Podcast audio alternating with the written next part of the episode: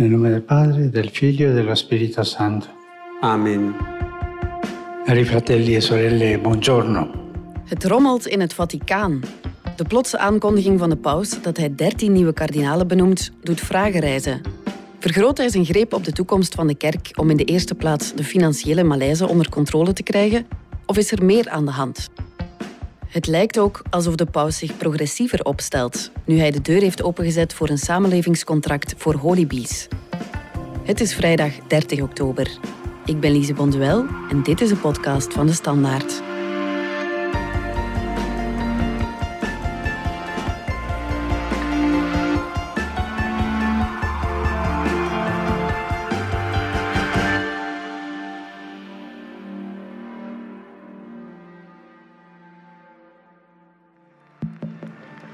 Think in history he will be remembered as a person who tried to bring change to the bigger world, not even just for the church.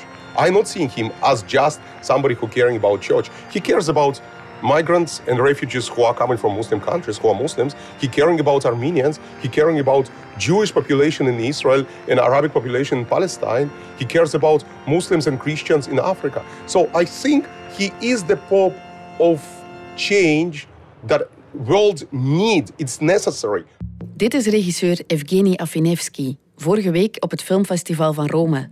Na de vertoning van zijn nieuwe documentaire Francesco over Paus Franciscus. Hij had het ook over een van de opvallende uitspraken die de paus daarin doet. I'm so intrigued right now, I guess, to see how the words of Pope Francis take a different direction, specifically on one issue. He not was discussing the doctrine of the church. He not tried to change the doctrine of the church. He was talking that the people not should be discriminated and the gay community should have the equal rights like everybody else. Gelijke rechten voor iedereen, dus ook voor holibies. That's what he was trying to point. Een paus die zich uitspreekt voor holibierechten, dat is op het eerste gezicht best revolutionair. Buitenlandredacteur Dominique Minte, jij volgt het Vaticaan al lange tijd. Had hij dit zien aankomen? Wel, ik moet zeggen, ik viel niet van mijn stoel toen dat nieuws vorige week uh, bekend raakte. Uh, nu, aanvankelijk werd er gesuggereerd dat hij voor het homohuwelijk was. Hè. De, de ja. same-sex marriage zag je opduiken. Hè. De paus keurt het homohuwelijk goed. Maar dan dacht ik, ja, dit kan niet. Dat ja. zal hij nooit doen. Maar dan bleek ook inderdaad al snel dat hij dat niet gezegd heeft, maar dat hij zei van, ik kan mij wel vinden in het feit dat holibies een soort van samenlevingscontract kunnen tekenen, dat hun relatie een wettelijke basis heeft. Ja. En dat verbaasde mij dan weer niet echt. Dus hij heeft als aartsbisschop van Buenos Aires heeft hij daar wel eens een pleidooi voor gehouden. Nu, dat deed hij dan wel omdat de Argentijnse regering toen eigenlijk ook dat homohuwelijk wilde doorduwen. Mm -hmm. En daar was hij dan ook weer tegen. En zei van, ja, nee, dat homohuwelijk moeten we zeker niet doen. Ja. Dus hij is zeker geen voorstander van dat homohuwelijk. Dat zal hij ook nooit doen. Dat is echt, echt een brug te ver, omdat in de, de leren van de katholieke kerk is het huwelijk, het sacrament van het huwelijk, echt iets tussen man en vrouw. Ja. En daar gaat hij en daar gaat niemand eigenlijk op dit moment binnen de kerk ooit, uh, ooit iets aan veranderen. Nee, maar in vergelijking met zijn voorgangers is het wel echt al een bocht van 180 graden. Ja, absoluut. Nee, op dat vlak gaat hij zeker verder dan, zeker dan Johannes Paulus II, de echt wel een conservatieve paus was op ethisch vlak. Ja. En ook Benedictus was daar geen voorstander van. Benedictus heeft eigenlijk heel zijn pauschap, heel zijn pontificaat, heeft hij geworsteld met de homoseksualiteit en hoe de kerk daarmee moest omgaan. Ja. De homoseksualiteit is eigenlijk een heel moeilijk onderwerp geweest, nog altijd binnen de katholieke kerk omdat eigenlijk heel veel priesters vanaf de jaren 60, 70 waren eigenlijk homoseksuelen. Ah. De, waren eigenlijk verdoken homoseksuelen. Dus ze hebben daar een soort van toch wel hypocriete houding rond. Zeker rond ook de, de seksualiteitsbeleving van hun eigen priesters. Ja. Uh, dat mag niet, ze mogen niks doen. Ze mogen, uh, die natuurlijke drang moeten ze eigenlijk onderdrukken. Dat Ja. leidt tot grote problemen. Het wordt al dikwijls gezegd dat het, uh, het misbruiksschandaal dat het eigenlijk terug te voeren is tot, tot die verdrongen seksuele behoeftes die, die ze niet mogen uitoefenen. Ja. Er is onderzoek gedaan door Amerikaanse sociologen en die kwamen tot de vaststelling dat bijna de helft van de priesters op een bepaald moment homoseksueel was. Dat is natuurlijk heel veel. Als je ziet dat in een normale samenleving 10, 15 procent van de Ja. mensen holibi is.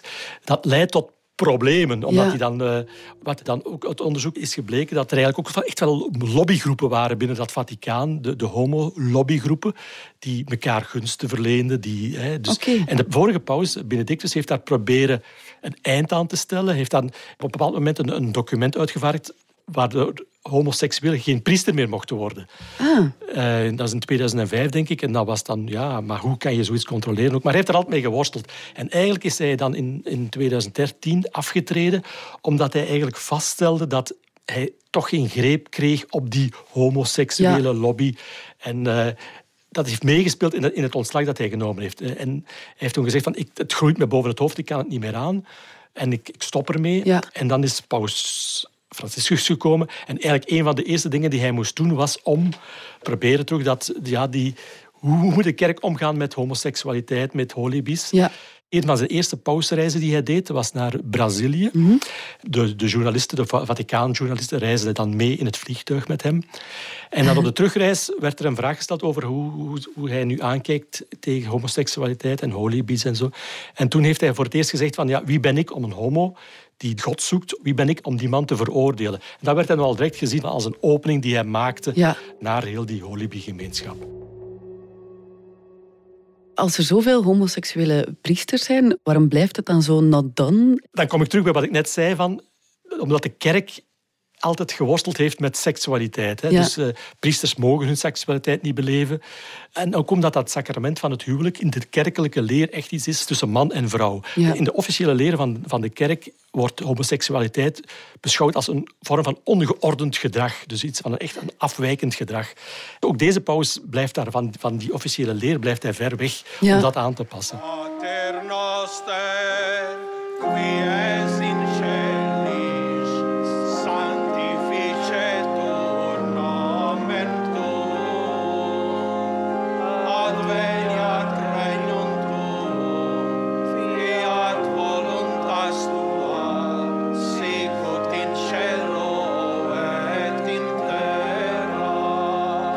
Nu heeft eh, recent een, een nieuwe encycliek uitgebracht. Wat staat daar allemaal in? Ja, Fratelli Tutti heet die encycliek. Eh, die heeft begin deze maand eh, gepubliceerd. Letterlijk betekent dat we zijn allemaal broeders.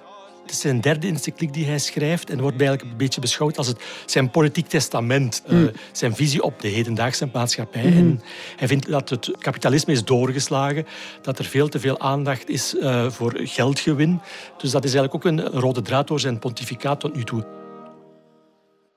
Hij pleit voor de nederige kerk, voor de kerk die aan de kant van de armen gaat staan, ook aan Ja. de kant van de vluchtelingen. Mensen hebben het recht om elders proberen een beter leven op te bouwen. Dus hij is eigenlijk een beetje voor die open grenzen. eh, Ja. En dus op dat vlak is hij heel radicaal, is hij heel sociaal voelend, is hij, wordt hij beschouwd als links, Ja, progressief ook. progressief. Dat leidt tot conflicten binnen een deel van de gelovigen, bijvoorbeeld bij de Amerikaanse katholieken. Een heel deel van die Amerikaanse katholieken zijn conservatief en die vinden dat de paus, dat deze paus op dat vlak helemaal doorslaat. Ja. Dat hij eigenlijk een communist is. Eh, hij moet, moeten zij nog geld geven aan een kerk die geleid wordt door een communist. Dus op dat vlak is er wel een spanningsveld dat hij, waar hij, hij altijd eh, ingezeten heeft. Ja. Eh. En doet hij dat ehm, om de kerk eh, te pimpen, om de kerk de 21ste eeuw binnen te loodsen? Dat zou ik niet durven zeggen. Het zit heel diep in hem. Dus ook als priester in de buitenwijken, de sloppenwijken van Buenos Aires, heeft hij zijn, is hij priester geweest, heeft hij, is dan bisschop geworden. En hij heeft altijd resoluut voor die, de armen gekozen. Ja. Als priester, maar ook nu nog altijd als paus, keert hij eigenlijk terug naar de boodschap van Jezus Christus, naar Ja. het evangelie. En dus dat is een tamelijk radicale boodschap die daar verkondigd wordt, die Christus verkondigd heeft. Hè. Ik kies voor de armen. Ja. En dan moeten daar geen compromissen over sluiten. Ja. Op dat vlak is hij zeer consequent. Ja, ehm, hij heeft ook wel komaf gemaakt met eh, bijvoorbeeld seksueel misbruik in de katholieke kerk. Hè? Wel, daar zijn de meningen over verdeeld. Eh, zeker in het begin, zijn eerste jaren, heeft hij zich direct verontschuldigd voor al het misbruik dat in die Ja. kerk is gebeurd. Maar dat werd toch beschouwd als, ja, dat is wel gemakkelijk. Hè. Excuses aanbieden, dat heeft ook Benedictus trouwens gedaan. Dus hij heeft ook eh, slachtoffers ontvangen. Maar dat heeft ook de vorige paus gedaan. Op dat vlak werd er meer van hem verwacht. En wa- was er toch wel wat teleurstelling over de manier waarop hij dat aangepakt heeft. Nu, de laatste jaren heeft hij, heeft hij toch stappen vooruit gezet. Is hij toch forser beginnen optreden. Hij heeft bijvoorbeeld ook echt kardinalen die doofpotoperaties hebben georganiseerd. In Amerika, maar ook in Chili heeft hij kardinalen echt en, en bisschop echt wel aan de kant geschoven. Ze hebben dan zelf een ontslag gegeven, heeft dat direct aanvaard. Dus op dat vlak is hij verder gegaan dan elke voorgaande paus uh, ooit gedaan heeft. Ja. Il prossimo 28 novembre, alla vigilia della prima domenica di Avvento, Hij heeft ook ehm, dertien kardinalen benoemd. terrò un concistoro per la nomina di 13 nuovi cardinali. De benoeming kwam wel heel onverwacht. Wat zit daarachter volgens jou, Dominique? Wel, eh, er werd al even over gespeculeerd dat hij dat aan het voorbereiden was. Maar het is inderdaad onverwacht. Het, is, het was niet nodig. Je moet zien, dus de kardinalen eh, is eigenlijk een soort van eretitel. Maar de belangrijkste functie van kardinaal, of wat daaraan vasthangt, is dat zij als er een nieuw conclaaf komt, als er een nieuwe paus moet gekozen worden, dat zij dan samenkomen. Zij Ja. kiezen de nieuwe paus. Op zich geldt er de regel dat er eigenlijk in dat conclaaf 120 kardinalen moeten zijn. En op dit moment waren er 120 stemgerechtigden. Nu, er was er één die is afgestapt. Dus er bleven nog 119 mensen over die konden kiezen. Dus, maar meestal kiest een paus nieuwe kardinalen als het aantal kiesgerechtigde kardinalen zakt naar 110 of zo. Dan Ja. zegt hij het is tijd om een aantal nieuwe kardinalen te benoemen. Dat hij dat nu al doet, is dus wel opvallend. Dus het rommelt in de kerk. Dus er Ja. zijn spanningen in de kerk. Er zijn eh, de conservatieven tegenover de progressieven. Dat blijft problemen geven. En de paus probeert dus kardinalen te benoemen die eigenlijk zijn lijn, zijn visie op de kerk blijven navolgen. Dus Ja. dat valt nu ook wel op. Die dertien die hij nu verkozen heeft, niet allemaal zijn stemgerechtigd, maar negen ervan mogen dus, als er een conclaaf komt, mogen daarin gaan zetelen. Dus door nieuwe kardinalen te creëren, legt de paus eigenlijk ook eh, zijn nalatenschap vast. Ja. Monsignor Mario Grech, segretario generale del Sinodo dei Vescovi. Monsignore Marcello Semeraro, prefetto della Congregazione delle Cause dei Santi.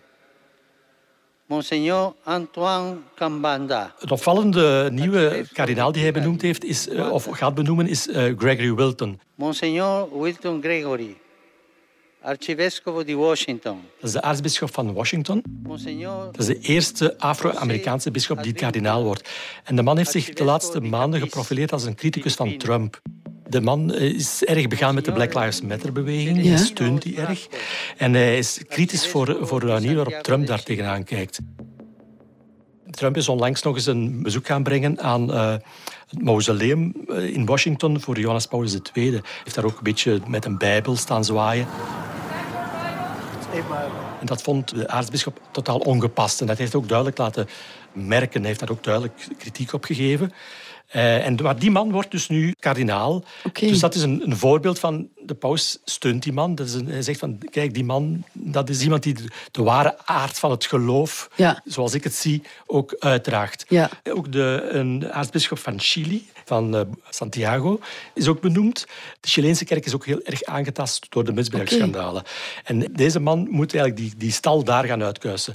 Dus dit is op, opnieuw een bewijs dat de paus wil aangeven van mensen die ik heb aangeduid om, om de problemen op te lossen, die krijgen ook een benoeming tot kardinaal en die gaan ook later de nieuwe paus mogen kiezen. ja, hij geeft daar wel een duidelijk signaal Hij geeft mee. daar een duidelijk signaal van, kijk, dit zijn de mensen die eigenlijk in mijn voetstappen treden. Ja. We gaan er even uit voor reclame. We zijn zo terug.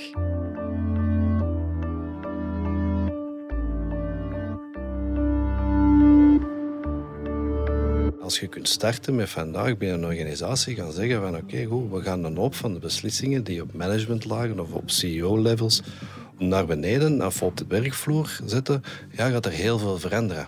En alles beweegt. Een podcast waarin Vlaamse CEO's en prominente HR-managers vertellen hoe ze hun onderneming en werknemers in beweging houden. Beluister de reeks op jouw favoriete podcast-app. VDHB. En alles beweegt.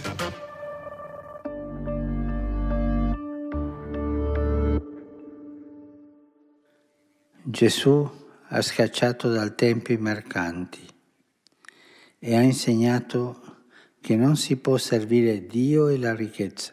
De paus refereert hier naar de tempelreiniging, een bekend bijbelverhaal waar Jezus handelaars uit de tempel van Jeruzalem verdreef. Quando infatti l'economia perde il suo volto umano, non ci si serve del denaro, ma si serve il denaro.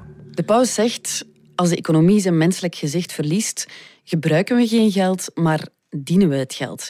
Nu, het Vaticaan worstelt al langer met zijn financieel imago, hè? Absoluut. Dus uh, er is heel veel aandacht geweest voor die misbruikproblemen, die Ja. misbruiksschandalen. Die zijn nu een beetje op de achtergrond verschoven, omdat de paus daar toch wel wat stappen heeft gezet. Maar wat er de laatste jaar eigenlijk weer naar boven is gekomen, zijn de financiële schandalen. Dus uh, de kerk is rijk, er is altijd veel geld. Maar de manier waarop ze dat geld besteden, daar is veel kritiek op. En uh, een schandaal dat de laatste maand erg opspeelt, dat draait rond een kardinaal ook. De man heet Becciu, Angelo Becciu, was eigenlijk echt ook een topfiguur binnen de curie, binnen dus het, het apparaat dat de Ja. kerk bestuurt. Ook een vertrouweling van, van de paus zelfs. Ja. En de paus had hij eigenlijk min of meer ook aangesteld om orde op zaken te stellen binnen de financiën. Ja. Maar wat blijkt nu, de man had heel veel autonomie.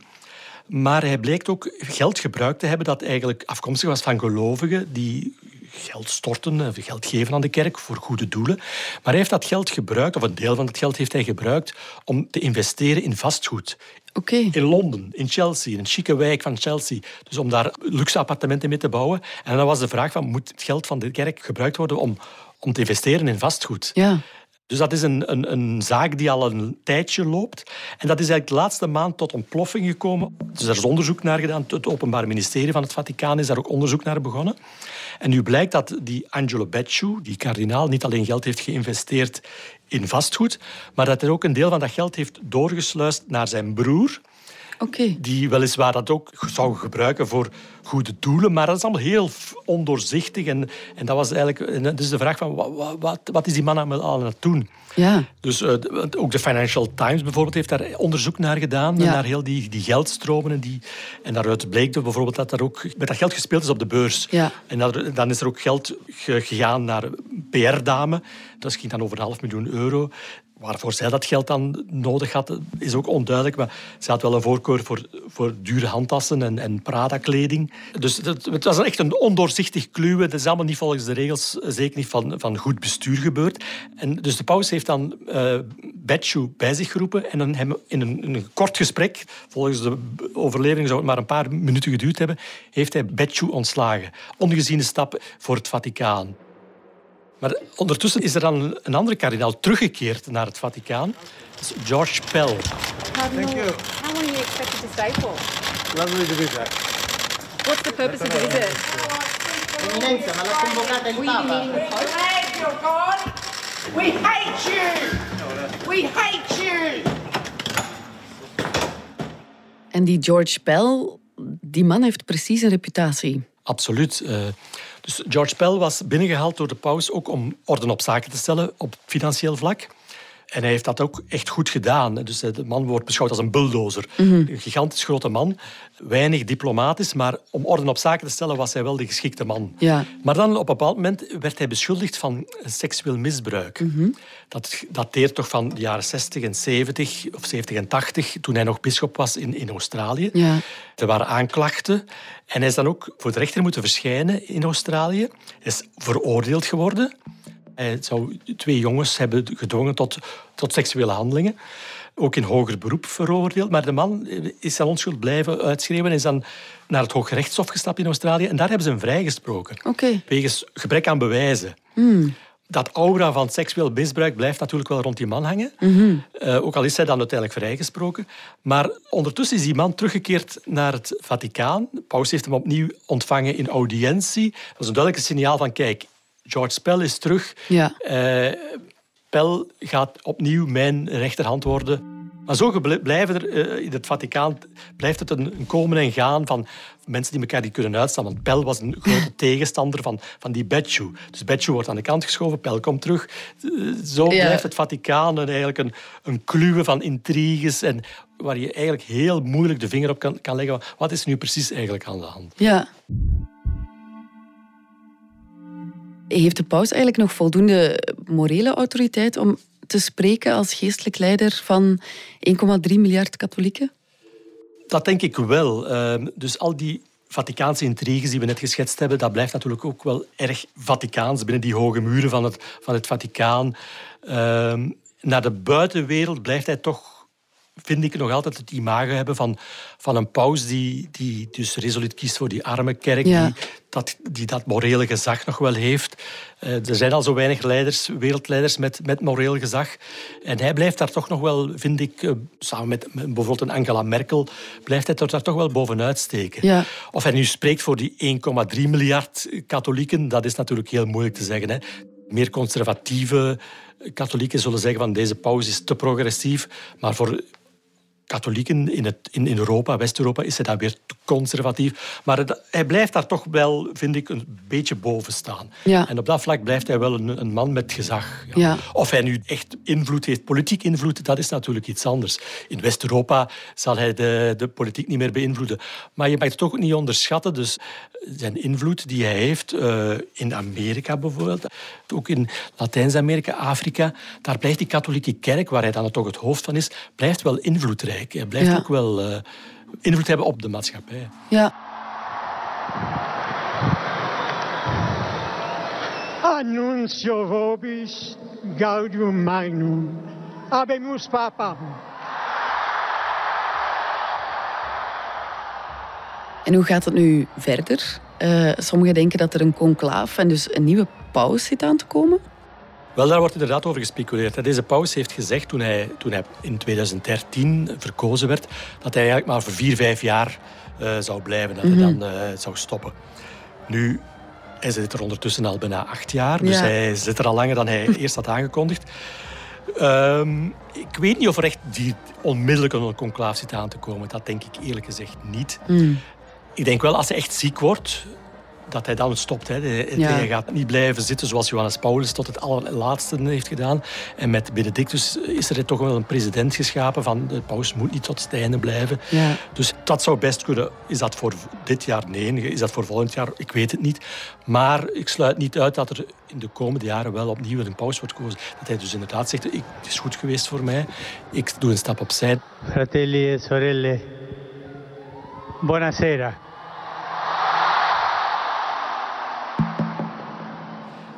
Dus hij is nu 83. Zijn gezondheid is niet opperbest, maar is ook niet slecht. Nu, sommigen zeggen van ja, hij draagt te weinig een mondmasker. En stel dat hij besmet raakt door het coronavirus, ja, hij is wel een risicopatiënt. Ja. Hij heeft maar één long meer bijvoorbeeld. Hij is ooit op eh, Oh, dingen. Dus op dat vlak blijft hij wel een risicopatiënt. Maar het is niet dat hij nu direct gaat stoppen. Dat denk ik niet. niet. Mhm. Maar hij bereidt zijn opvolging dus wel al voor. Met dan bijvoorbeeld eh, die benoeming van die dertien kardinalen. Worden er al namen genoemd? Of is het echt nog koffiedik kijken tot er witte rook is? Dat is echt inderdaad koffiedik kijken. Nu, er is een gezegde van wie het conclaaf binnengaat als gedoodverde favoriet, gaat er zeker niet buiten komen als paus. Nu, dat geldt niet altijd zo. Bij Ratzinger ging binnen als gedoodverde favoriet en kwam buiten als paus Benedictus. Maar het is onvoorspelbaar. Hè. Dus binnen dat conclave ontstaat er toch een, een dynamiek. Er zitten altijd mensen die dan kingmaker worden, die dus proberen eh, te sturen. Maar dan blijft het toch wachten tot, tot die witte rook uit, de- uit die schouw komt. En dan eh, is, blijft het altijd eh, toch een verrassing.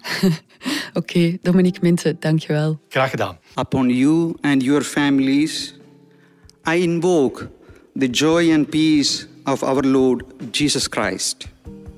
God bless you. Benedicat vos, omnipotens Deus, Pater, et Filius, et Spiritus Sanctus.